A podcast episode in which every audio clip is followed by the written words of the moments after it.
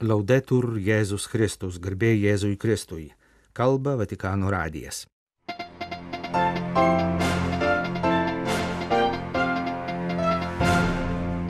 Rugsėjo 30 dieną Šventojo Petro aikštėje vyks ekumeninis maldos būdėjimas už vyskupų sinodą. Šį penktadienį Vatikano spaudos salėje vyko jo pristatymas.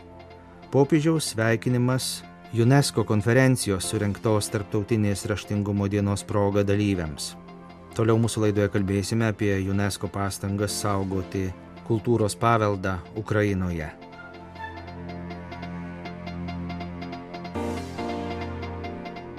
Penktadienį Šventojo Sosto spaudos salėje buvo pristatytas ekumeninis maldos būdėjimas, kuris vyks rugsėjo 30-osios pavakarę, likus kelioms dienoms iki vyskupų sinodo asamblėjos atidarimo. Surenkti ekumeninės pamaldas sinodo atidarimo proga prieš porą metų pasiūlė tuo metinis Tezė ekumeninės bendruomenės prioras brolis Aloizas. Jo siūlymą paremė Vyskupų sinodo generalinis sekretoriatas ir Krikščionių vienybės dikasterija. Tada projektas buvo pasiūlytas popiežiui Pranciškui, kuris jam pritarė ir pats asmeniškai apie jį pranešė per šių metų sausio 15-osios viešpaties angelo maldą. Krikščionių vienybės kelias ir bažnyčios sinodinio atsivertimo kelias yra susiję, tądien sakė popiežius. Todėl šeštadienį rugsėjo 30 dieną Šventojo Petro aikštėje vyks ekumeninė maldos vigilija, kurią pavesime vyskupų sinodo darbą Dievui. Rugsėjo 30-osios ekumeninis maldos būdėjimas vyks Šventojo Petro aikštėje, truks dvi valandas, bus atviras visiems, į aikštę galės ateiti kiekvienas norintysis. Pirmąją dalį, prasidedančią 17 val. sudarys keturi jaunimo liudijimai perpinti giesmėmis. Antrąją būdėjimo dalį 18 val. pradės popiežius Pranciškus. Pradžios maldą sukalbės Konstantinopolio visuotinis patriarchas Baltramiejus. Tėve mūsų maldą prieš pabaigą pradės anglikonų Kenterberio arkivyskupas Justinas Welby.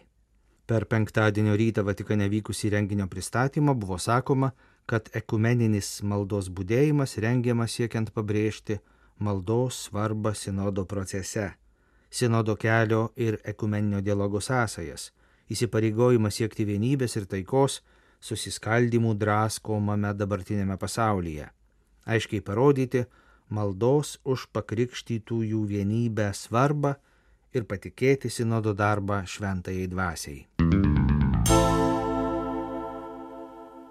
Rugsėjo 8-ąją kasmet minima Tarptautinė raštingumo diena. Junktinių tautų švietimo, mokslo ir kultūros organizacijos įvesta 1965 metais. Vatikano valstybės sekretorius kardinolas Pietro Parolinas popiežiaus vardu pasiuntė sveikinimą šią progą Paryžiuje surinktos konferencijos dalyviams. UNESCO generaliniai direktoriai Audrey Azulė adresuotame laiške kardinolas rašo, kad popiežius Pranciškus yra artimas visiems, kas tarptautiniu, nacionaliniu ir vietos lygmeniu visame pasaulyje siekia pašalinti neraštingumą. Mokėjimas skaityti ir rašyti, galimybė mokytis daro lemtingą įtaką kiekvieno žmogaus vystimuisi, jo darniai integracijai į bendruomenę ir aktyviam bei veiksmingam dalyvavimui visuomenės pažangos procese, rašo kardinolas, perduodamas popiežiaus padėką UNESCO už visas iniciatyvas, kuriomis siekiama kelti pasaulyje raštingumo lygį. Su raštingumu, pirmąją šio termino prasme, tai yra sugebėjimu skaityti ir rašyti, yra susijusios ir kitos raštingumo formos, kurios irgi lemtingai svarbios siekiant ginti žmogaus orumą ir darnų visos žmonijos sambuvį. Kardinolas savo laiške visų pirma mini taikos vertybės suvokimą.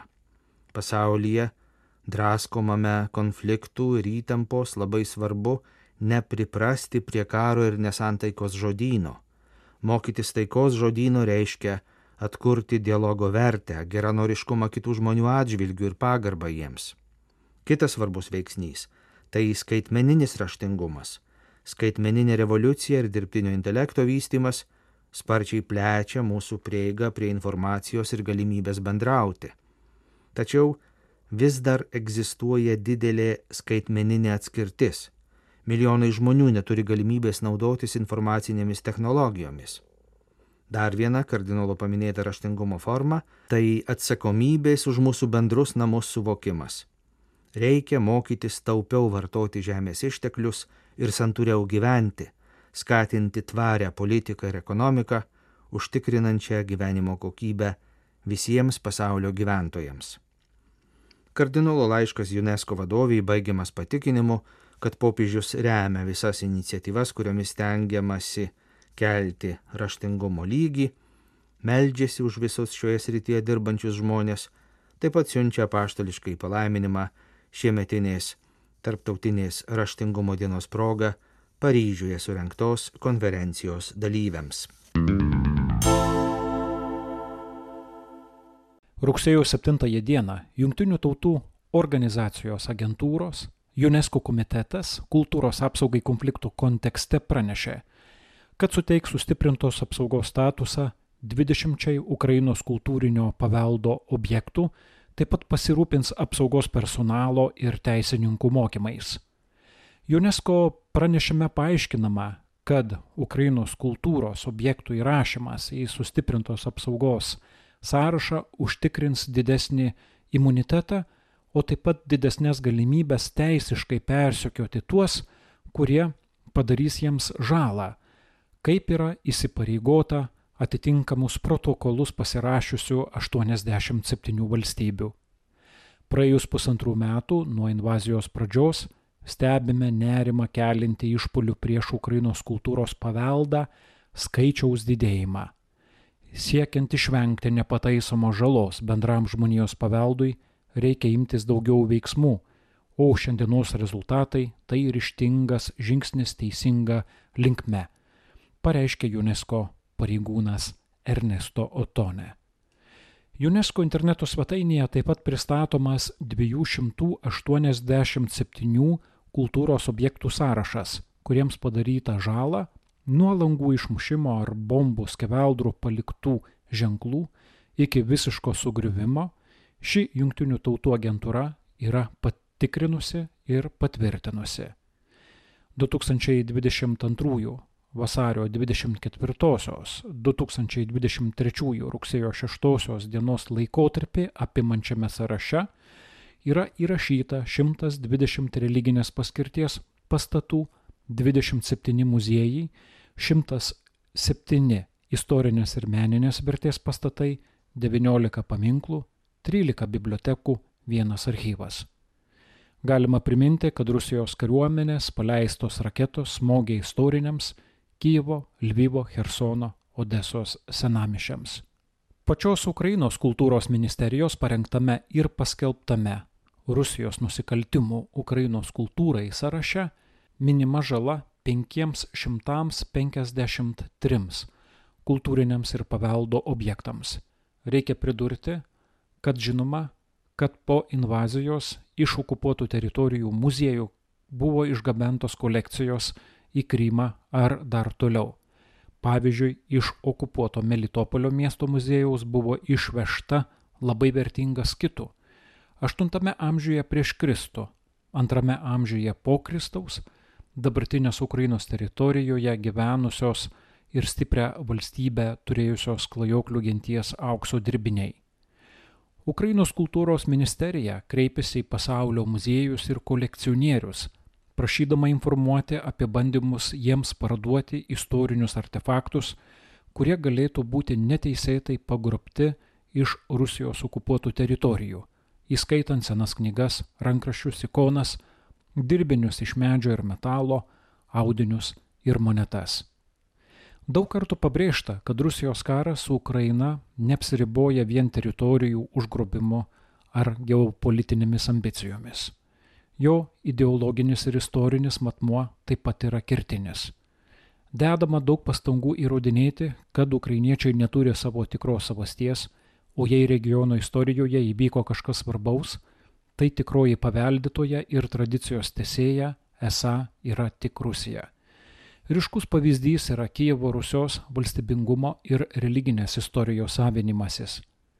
Apie tai šiomis dienomis kelis kartus iš Romos, kur vadovauja savo bendruomenės ganytojų sinodui, kalbėjo Ukrainos graikų katalikų bažnyčios didysis arkivyskupas Svetoslavas Šepčiukas. Šiandien, kai senosios imperijos bunda, kai agresorė Rusija vykdo neokolonialinį karą Ukrainos žemėse, labai svarbu, kad pasaulis išgirstų tikrąją Ukrainos, Rusijos ir Rytų Europos istoriją. Istoriją, kurią parašė ne kolonialistų ir imperialistų išsigalvojimai, o pavergtų tautų, kurios šiandien kovoja už teisę egzistuoti, įskaitant mūsų žmonės kovojančius už laisvę, už savo gimtają ir nepriklausomą Ukrainos valstybę, kraujas, sakė didysis arkivyskupas sinodo atidarimo liturgijos homilijoje. Pastarosiomis dienomis visas pasaulis pradėjo iš naujo atrasti nusikalstamą Rusijos imperijos praeitį, išgirsti Ukrainos žemė istorijos pasakojimą ne okupanto ir kolonizatoriaus, bet pavergtos tautos požiūriu pakartojo Svetoslavas Šepčiukas savaitinėme vaizdo kreipimėsi paskelbtame rugsėjo ketvirtąją.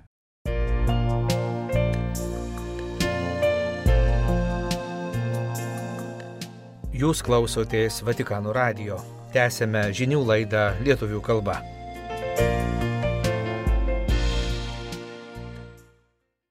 Visų pirma, nusivyliau. Galas mano privatumui ir asmeniniai laisviai juokėsi paskirtasis kardinolas iš Malazijos Sebastianas Francis, Penango biskupas. Paklaustas, kaip prieėmė žinę apie paskirimą kardinolu. Dviejų dalių interviu paskelbė katalikišką aktualijos svetainę anglų kalba Kruks. Tuo pat surimtėjęs busimos kardinolų konsistorijos dalyvis sako, visi biskupai turėtų būti pasiraitoję rankovės ir pasiruošę būti pakviesti tikisi ar ne, padėti popiežiui valdyti visuotinę bažnyčią. Toks paskirimas garsiai nuskamba, tai suprantama, tačiau norėčiau pasakyti, kad apaštalų įpėdiniai yra viskupai, viskupų kolegija, o ne kardinolų kolegija. Žinoma, daugelis kardinolų yra viskupai, tačiau yra kardinolų kolegijos narių, kurie nėra viskupai. Kardinolų kolegijai, tęsė jis, tenka labai rimta atsakomybė rinkti naują popiežių. Todėl yra daug jaudulio, kai paskiriami kardinolai.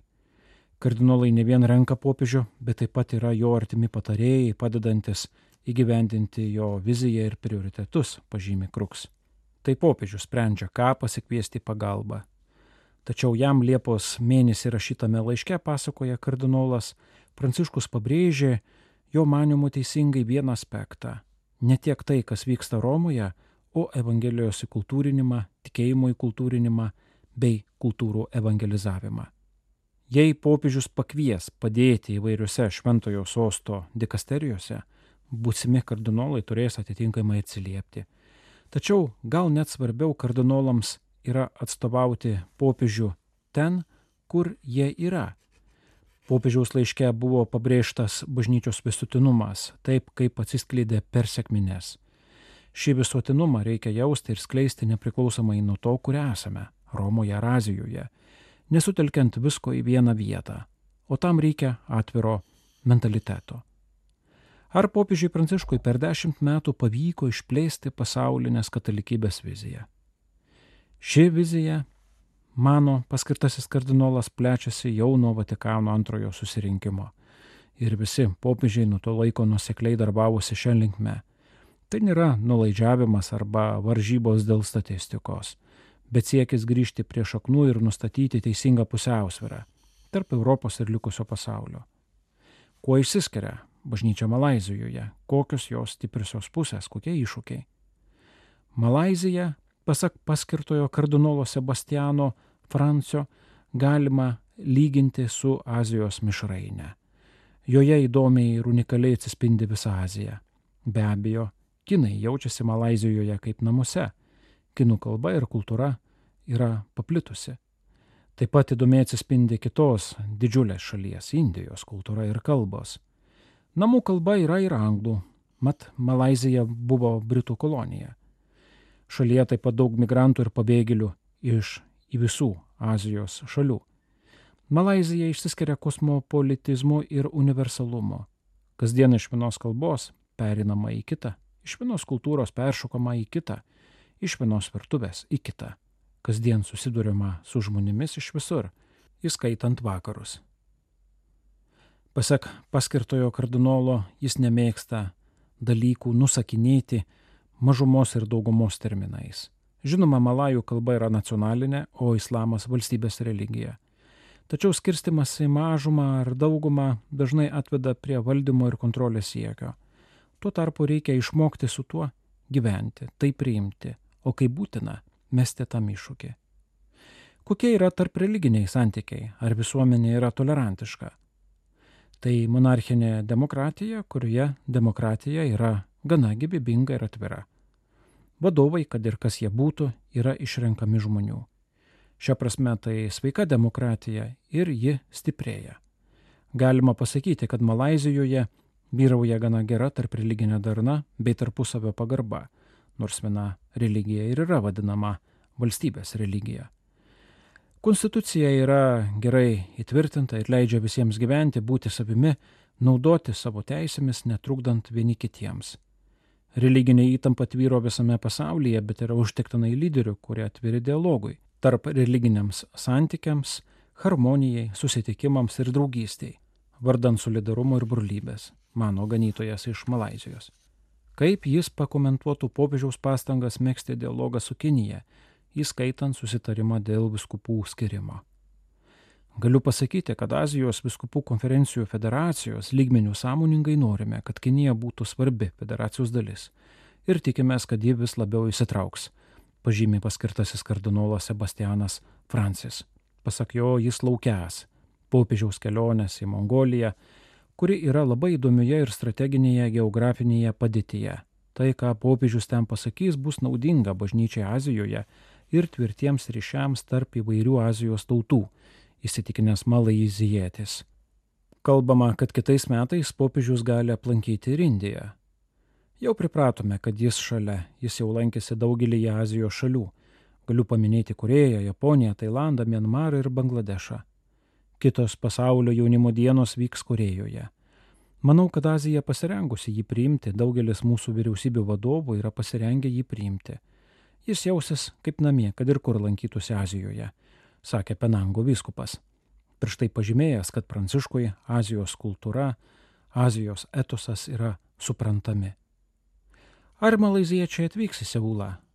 Pasaulio jaunimo susitikime Pietų Korejoje malaziečiai jaunuoliai dalyvaus gausiai, nebejoja paskirtasis kardinolas.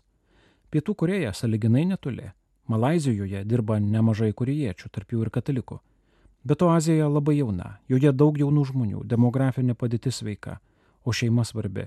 Kodėl Azija jauna, kai tiek daug regionų sensta? Reikia remtis tai leminčių Azijos kultūriniu etosu ir kitomis vertybėmis. Bet kuriuo atveju pasaulinis jaunimo susitikimas bus labai įdomus įvykis visai Azijai. Pažymė Penango vyskupas Sebastianas Francis, jau pasirengęs konsistorijai Vatikane ir netrukus po jos prasidėsiančiam viskupų sinodui.